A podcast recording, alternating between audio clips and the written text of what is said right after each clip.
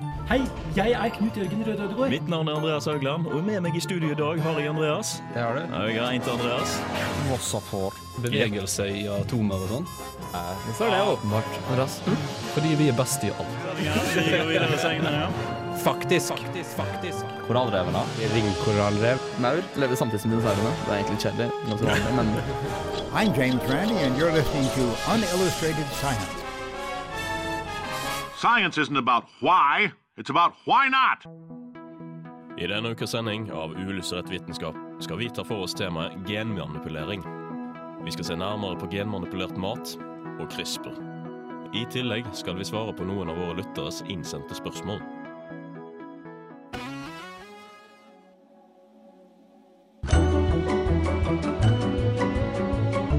Du hører på uillustrert vitenskap på Radio Revolt.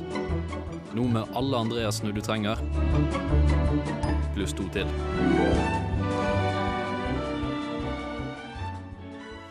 Hallo, hallo, og hjertelig velkommen til nok ei sending med Uillustrert vitenskap. Det Låten dere fikk høre i starten, var Håkon av uh, Something. Uh, uh, med meg i dag i studio har jeg Andreas. det har du. Jeg har Andreas. Hei. Og jeg har Martin. Hallo. I tillegg har vi Endre på teknikerbenken. Hei, hei, Endre. Har du det fint? Ja, Ja. ganske fint. Ganske fint, ja. Veldig bra. Um, fun fact. Fun fact. Ja. Eh, visste du at første gangen de prøvde seg på genmanipulert mat, var i 1994, og det var på ei tomat? Det var første gangen. Første gangen i 1994 Hvorfor som kom på markedet. Ja. Eh, og den ble kalt for Flavor Saver. Flavor saver. Hei. Ah. Er det, har du noen lokale genmodifiserte matreferanser, kanskje? Vossafor. Uh, genmodifisert Vossafor. Ikke, ikke så jeg kommer på, men eh, Ikke så kom på. ikke så jeg kommer på for øyeblikket. Hva, hva kom først av genmodifisert uh, Vossafor og uh, genmodifisert sau? Det er jo et veldig viktig spørsmål. Det er veldig ja. viktig spørsmål. Jeg trenger litt betenkningstid. Trenger litt betenkningstid. Vi skal okay, ikke, vi- svare, vi skal ikke nødvendigvis svare på det i løpet av denne sendingen her, men vi skal svare på veldig masse annet om GMO og CRISPR. I tillegg så har vi jo da fått noen innsendte spørsmål fra lyttere. Eh, først ut er da Bright Lights av Slutface. Deretter kommer saken om nemlig CRISPR. Science isn't about why, it's about why not. Why is so much of our science dangerous? Why not marry safe science if you love it so much?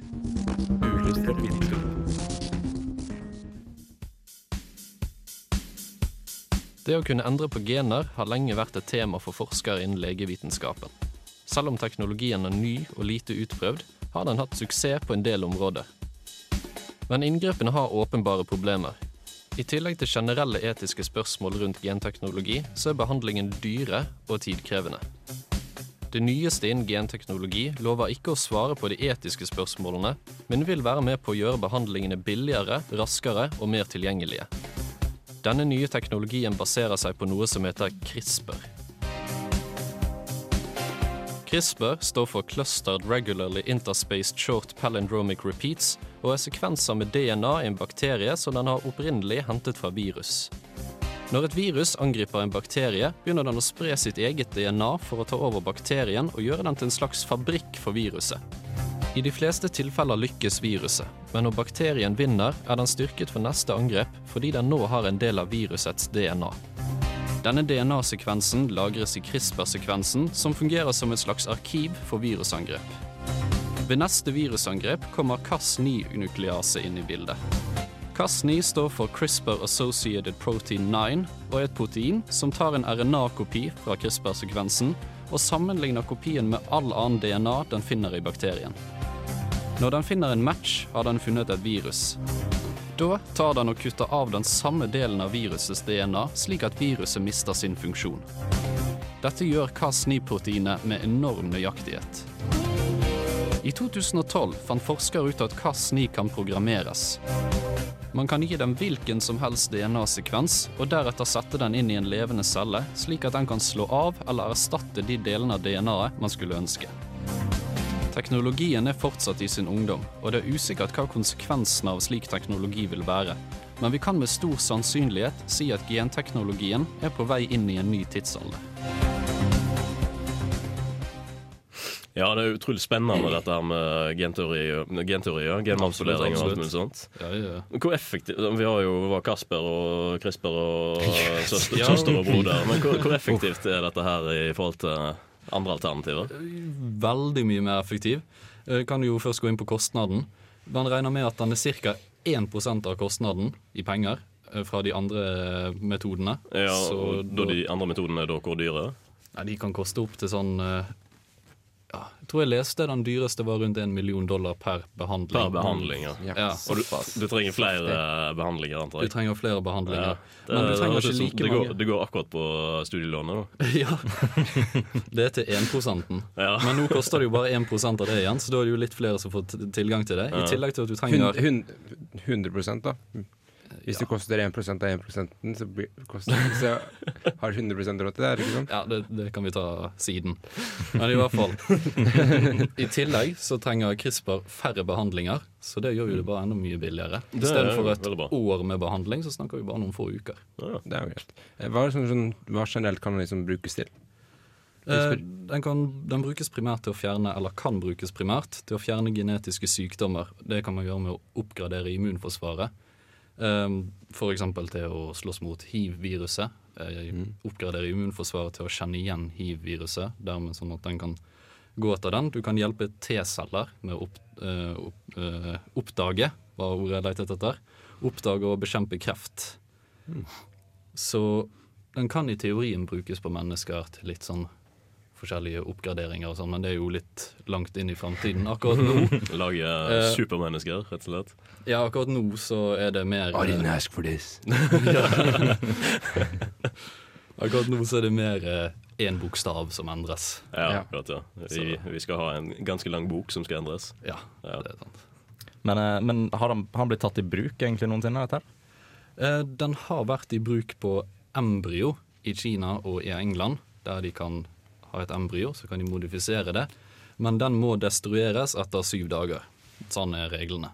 Ja, ok, Fordi det er da e- etiske regler da, som ikke Ja, det er veldig mye etiske regler rundt uh, genteknologi og genmanipulering. Men jeg trodde akkurat det med genmanipulering sånn det var veldig lov i Storbritannia. Mer lov enn i Norge. Mer lov enn i Norge, ja. Ja, Akkurat. de er litt lenger frampå med genteknologi enn det vi er her i Norge. Ja. De har allerede holdt på med litt sånn småting sånn som ja, genmanipulering av immunforsvar for å oppdage hiv. Det er kanskje fordi det engelske folk har verdens verste gener. At, eh, Ja, vikingene stjal alle de gode, var det Ja. som var greia? for et, altså, hvis du er i England så, og ser rundt deg, så ser du virkelig at det er et, for et stygt folkeslag. And then we have to apologize listeners. De polske har det skikkelig gøy, da. Uh, yeah. Men jeg kan si at uh, i 2017, som er snart, så skal de begynne med klinisk testing av CRISPR. Da skal de begynne å teste det på folk. Så da skal de prøve å behandle den eh, en sånn sykdom som gjør at folk blir blind. Den heter leber kon kongenital amuroa... Am, eh, eh, amaurosis. Det var et fint ord. Det var det. Kan du si, kan du si bare- det ti ganger kjapt etter hverandre? Kan du si det ikke, baklengs? ikke noe. Ja. Den, eh, vi kan forkorte den ned til LCA10. Ja. 10 fordi det finnes 18 versjoner av den. Men det er nummer 10 Det er nummer 10 vi skal behandle.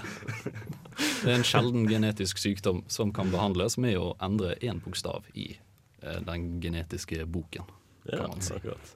Vi skal videre, og vi skal snakke om mat. For det er jo litt grann eh, spenstig og spennende å se det om vi ikke minst har lov og ikke minst har muligheten til å genmodifisere mat. Eh, Men før det så kommer låten 'I'm Always Watching You' av Sondre Lerche. Jeg er Aksel Tidemann. Jeg jobber som forsker på kunstig intelligens ved Telenor Research, og du hører på uillustrert vitenskap. Genmodifiserte organismer er vanlig en del steder i verden, og vi hører mer og mer om det i media. Vi hører bl.a. om hvorvidt man har rett til å gjøre det, hvor langt man eventuelt kan gå, og om det er etisk riktig å gjøre det i det hele tatt.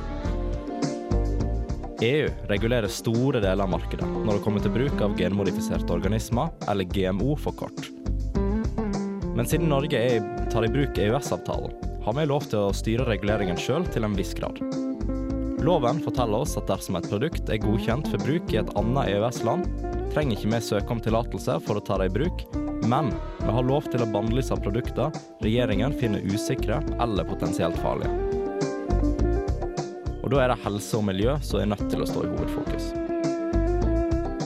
Norge la ned en del forbud på 1990-tallet, bl.a. forbudet mot en del genmodifiserte vaksiner som rabis og pseudorabis.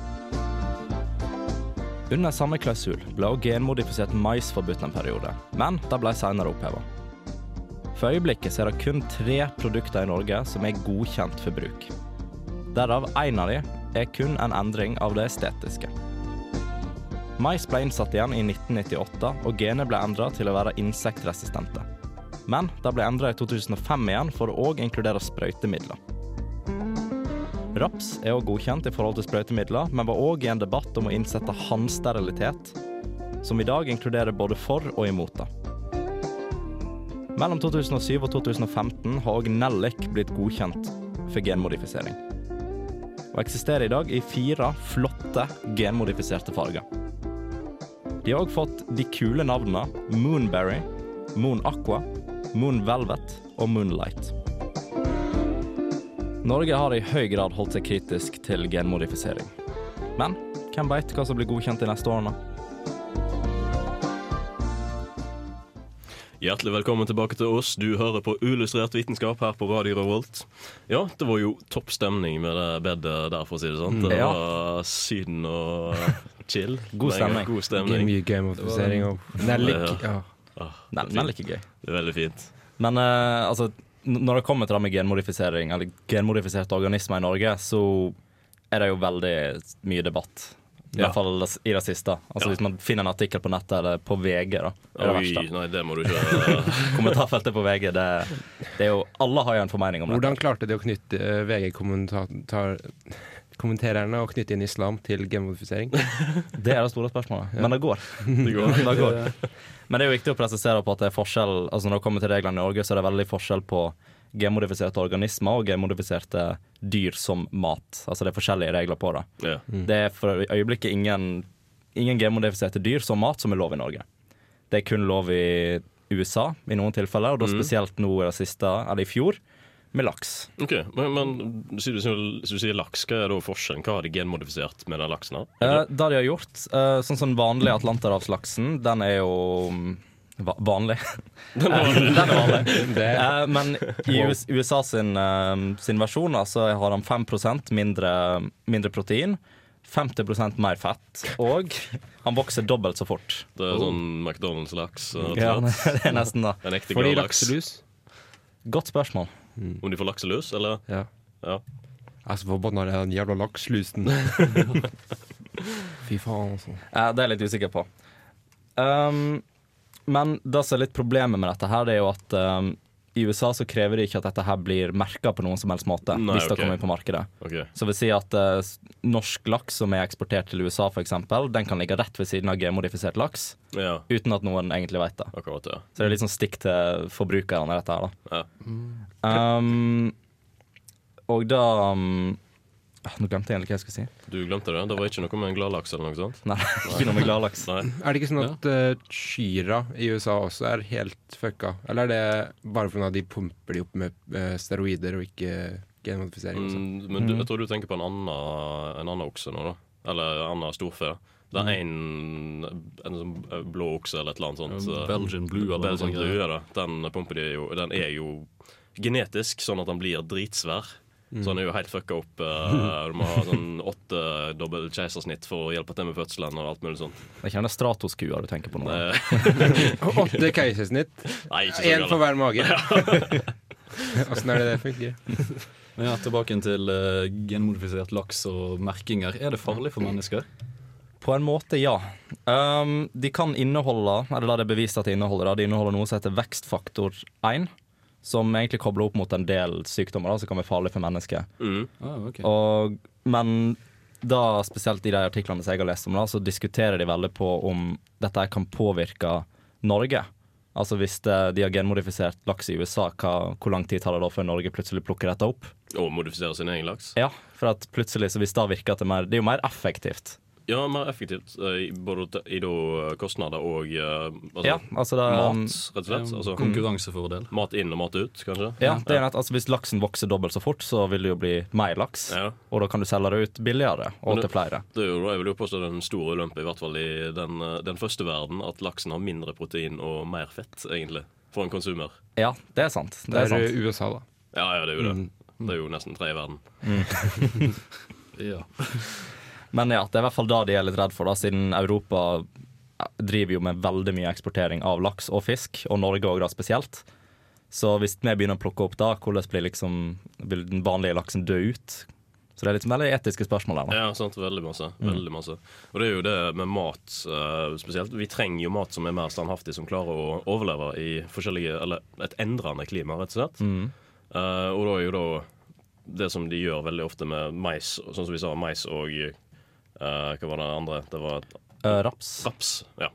At de endrer på de sånn at de overlever da i litt mer standhaftige, standhaftige klima. Mm. og slett. Men det de primært har gjort da i Norge, er jo at eh, var jo det jeg nevnte i saken min, at de har gjort den immun mot sprøytemiddel, slik at du ja, får større produksjoner pga. at du fjerner de som ja, dør. Ja, akkurat. Ja, altså, de det overlever sprøytemidler. Ja, Det har også hjulpet De har vel genmodifisert uh, ris i uh, land i Asia, hvor det var en eller annen vitamin de aldri fikk. Fordi det er masse sånne kinesiske Ja, ja, ja. bønder, millionervis av de som nesten bare spiser ris. Det er liksom det eneste de spiser. C-vitaminer nå, sikkert, kanskje? Ja, det var et eller annet som de putta inn i risen med, gen med genmodifisering. Ja. Og Mm. det har liksom hjulpet folkehelsa i de landa veldig mye. skal si. Ja, eh, Vi skal videre i sendingen, og vi skal da eh, få høre om eh, denne ukas skeptiske faktisk-spalte. Og før vi da skal inn til vår nye overraskelsesspalte. Eh, men først kommer da Running, Dreams, eh, Running in Dreams av Chain Wallet. Visste du at man kan se en kinesiske mur fra verdensrommet? Eh, faktisk så Tulling! Eskimoen har 50 ord for Nei, egentlig ikke. Nei. Strutser stikker hodet i bakken og er redde. Nei, faktisk. Nei, egentlig ikke. Din dust. Mennesket utvikla seg fra sjimpanser. Nei, tulling. Herregud, dust. Faktisk. Faktisk. Faktisk. Faktisk.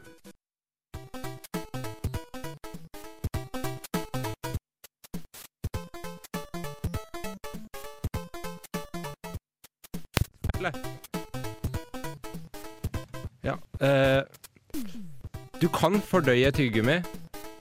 Eller du fordøyer det ikke. Det går rett gjennom systemet. Men det er uansett helt, helt feil at det blir magen din i syv år. Fordi hvis det hadde vært sånn, så hadde faktisk leger sett masse tyggegummi i magen til folk. Men det gjør de ikke. Eh, du fordøyer ikke tyggegummien, da. Den eh, gummien som tyggegummien er oppbygd av, den eh, er ufordøyelig og går gjennom systemet, men det fins søtingsmidler og sånt i tyggegummien som eh, blir fordøyd. Det du derimot kan gjøre, det er at hvis du drikker veldig mye vin og spiser veldig mye ost på en kveld, så er det et stoff i vinen som gjør at eh, osten fordøyes dårligere, og du får etter hvert en svær klump av eh, ost i magen din som kan gjøre at du blir forstoppa en stund. Og I verste fall kan den bli så stor at han tetter opp magen din, og du må operere han ut. Det kan for så vidt også skje med tyggegummi. Hvis du spiser veldig veldig mye tyggegummi på kort tid og svelger alt, så kan dette lagre seg en ball. Og hvis du i tillegg spiser solsikkestjerner, så blir dette en stor eh, pinnsvinball, eh, der solsikkekjernene stikker ut av tyggegummiballen og kan gjøre skade mot magesekken din. Men ja. Ja, det er jo behagelige ting å eh, tenke på her i kveld. Ja. Hva, hvor finner du dette her?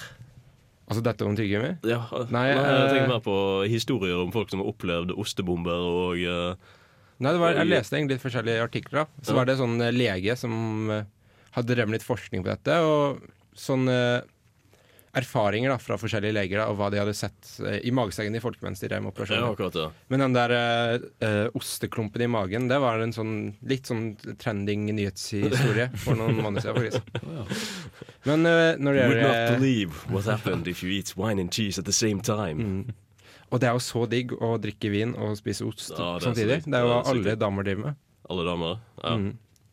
Og kanskje menn også inniblant, men jeg vil ikke innrømme det. Uh, men uh, når dere spiser tyggis, tyggegummi, uh, pleier dere å svelge? Eh, nei. Nei. Nei. Gjør du? Ja. Oi.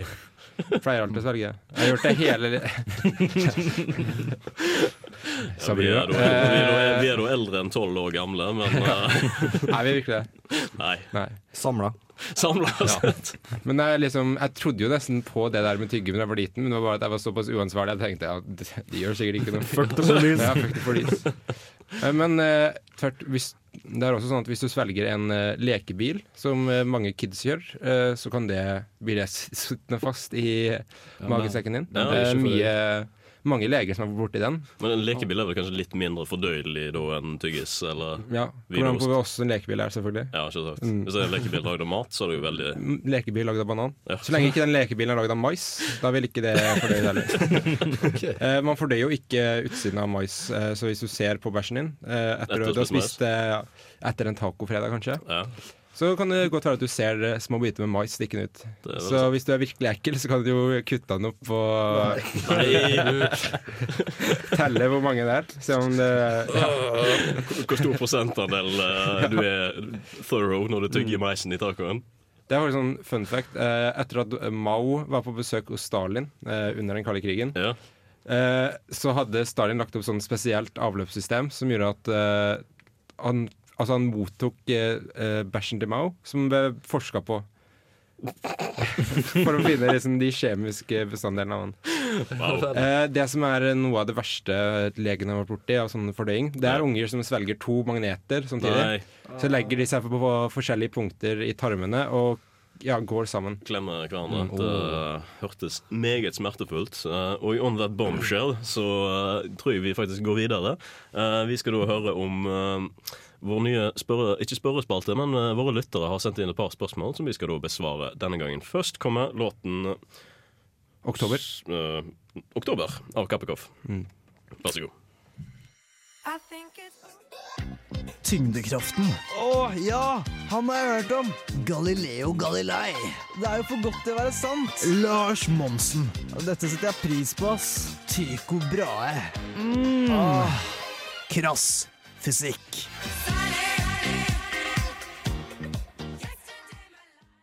Ja, Hjertelig velkommen tilbake til studio. Vi er fremdeles Uillustrert vitenskap, og du hører fremdeles på Radio Revolt.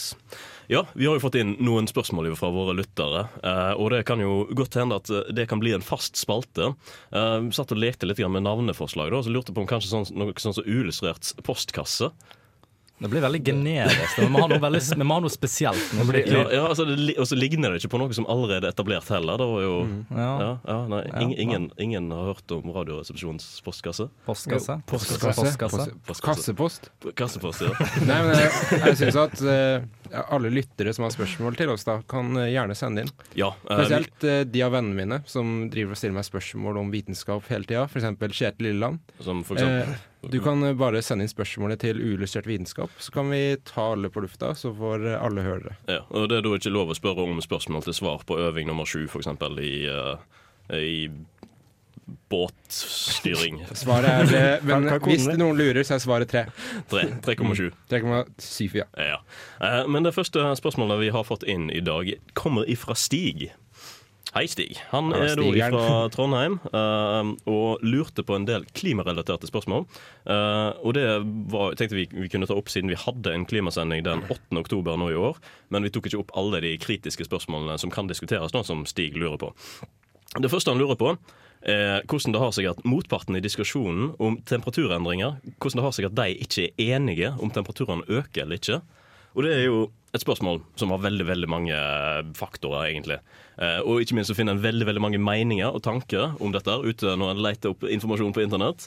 Eh, og den uenigheten som Stig eh, lurer på og frampeker, kommer jo veldig godt igjen i dette. Uh, må påpekes da at det er veldig ukvalifisert gjetting her fra min side i hvert fall. Jeg er ikke noe ut, utdanna til å svare på dette her skikkelig, så det er bare kvalifisert gjetting. Uh, Nei, uh, jeg bodde faktisk med en fyr uh, som hadde tatt mastergrad i eh, atmosfærerelaterte ting på Ja. FISMAT eh, i fjor. Eh, og han trodde ikke at temperaturøkninga var menneskeskapt, for Nei, akkurat det. Ja. Eh, Det vises jo igjen i flere Vi kommer tilbake til noen av grunnene senere, da, eller i løpet av svaret. Den største grunnen til at det er så mange forskjellige svar, er jo selvsagt pga. mange forskjellige måleteknikker.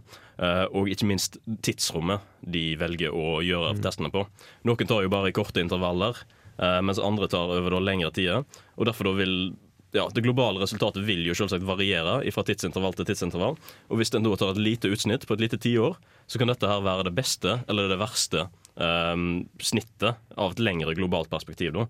Så en vil da få en feilkilde der. eh, En urealistisk skildring. Men det, det mest riktige blir vel kanskje å se på eh, hvordan temperaturendringa har vært siden starten av den industrielle revolusjonen, for Ja, eksempel. Når absolutt. mennesket først begynte å virkelig pumpe gasser Pumpe gasser og brenne kull og kjøre på med det. Mm. Uh, og det er jo det, mange av variasjonene skjer jo da på grunn av eh, endringer i vær, og ikke endringer i klima. Mm. Det er jo da tenk, mange tenker liksom Å, det har aldri vært så kaldt på Notodden de, de siste tre årene. Og det er jo da en lokal endring som absolutt ikke kan sees på i uh, denne sammenhengen her. Mm. Uh, Menneskeskapte klimaendringer må vi som sagt uh, se på fra den industrielle revolusjonen. Eh, fordi det er først da det har vært så effektiv, ikke bærekraftig, eh, utvinning av ressurser, og ikke minst bruk av ressurser. I tillegg så har jo det, siden medisinsk revolusjonen med vaksiner og antibiotika og alt mulig sånt, så har det blitt flere og flere og flere mennesker, og dermed mer og mer potensial for forurensning, da. For Mm. vi er jo ikke så veldig flinke til å De doper etter oss. Ja, det er nettopp det.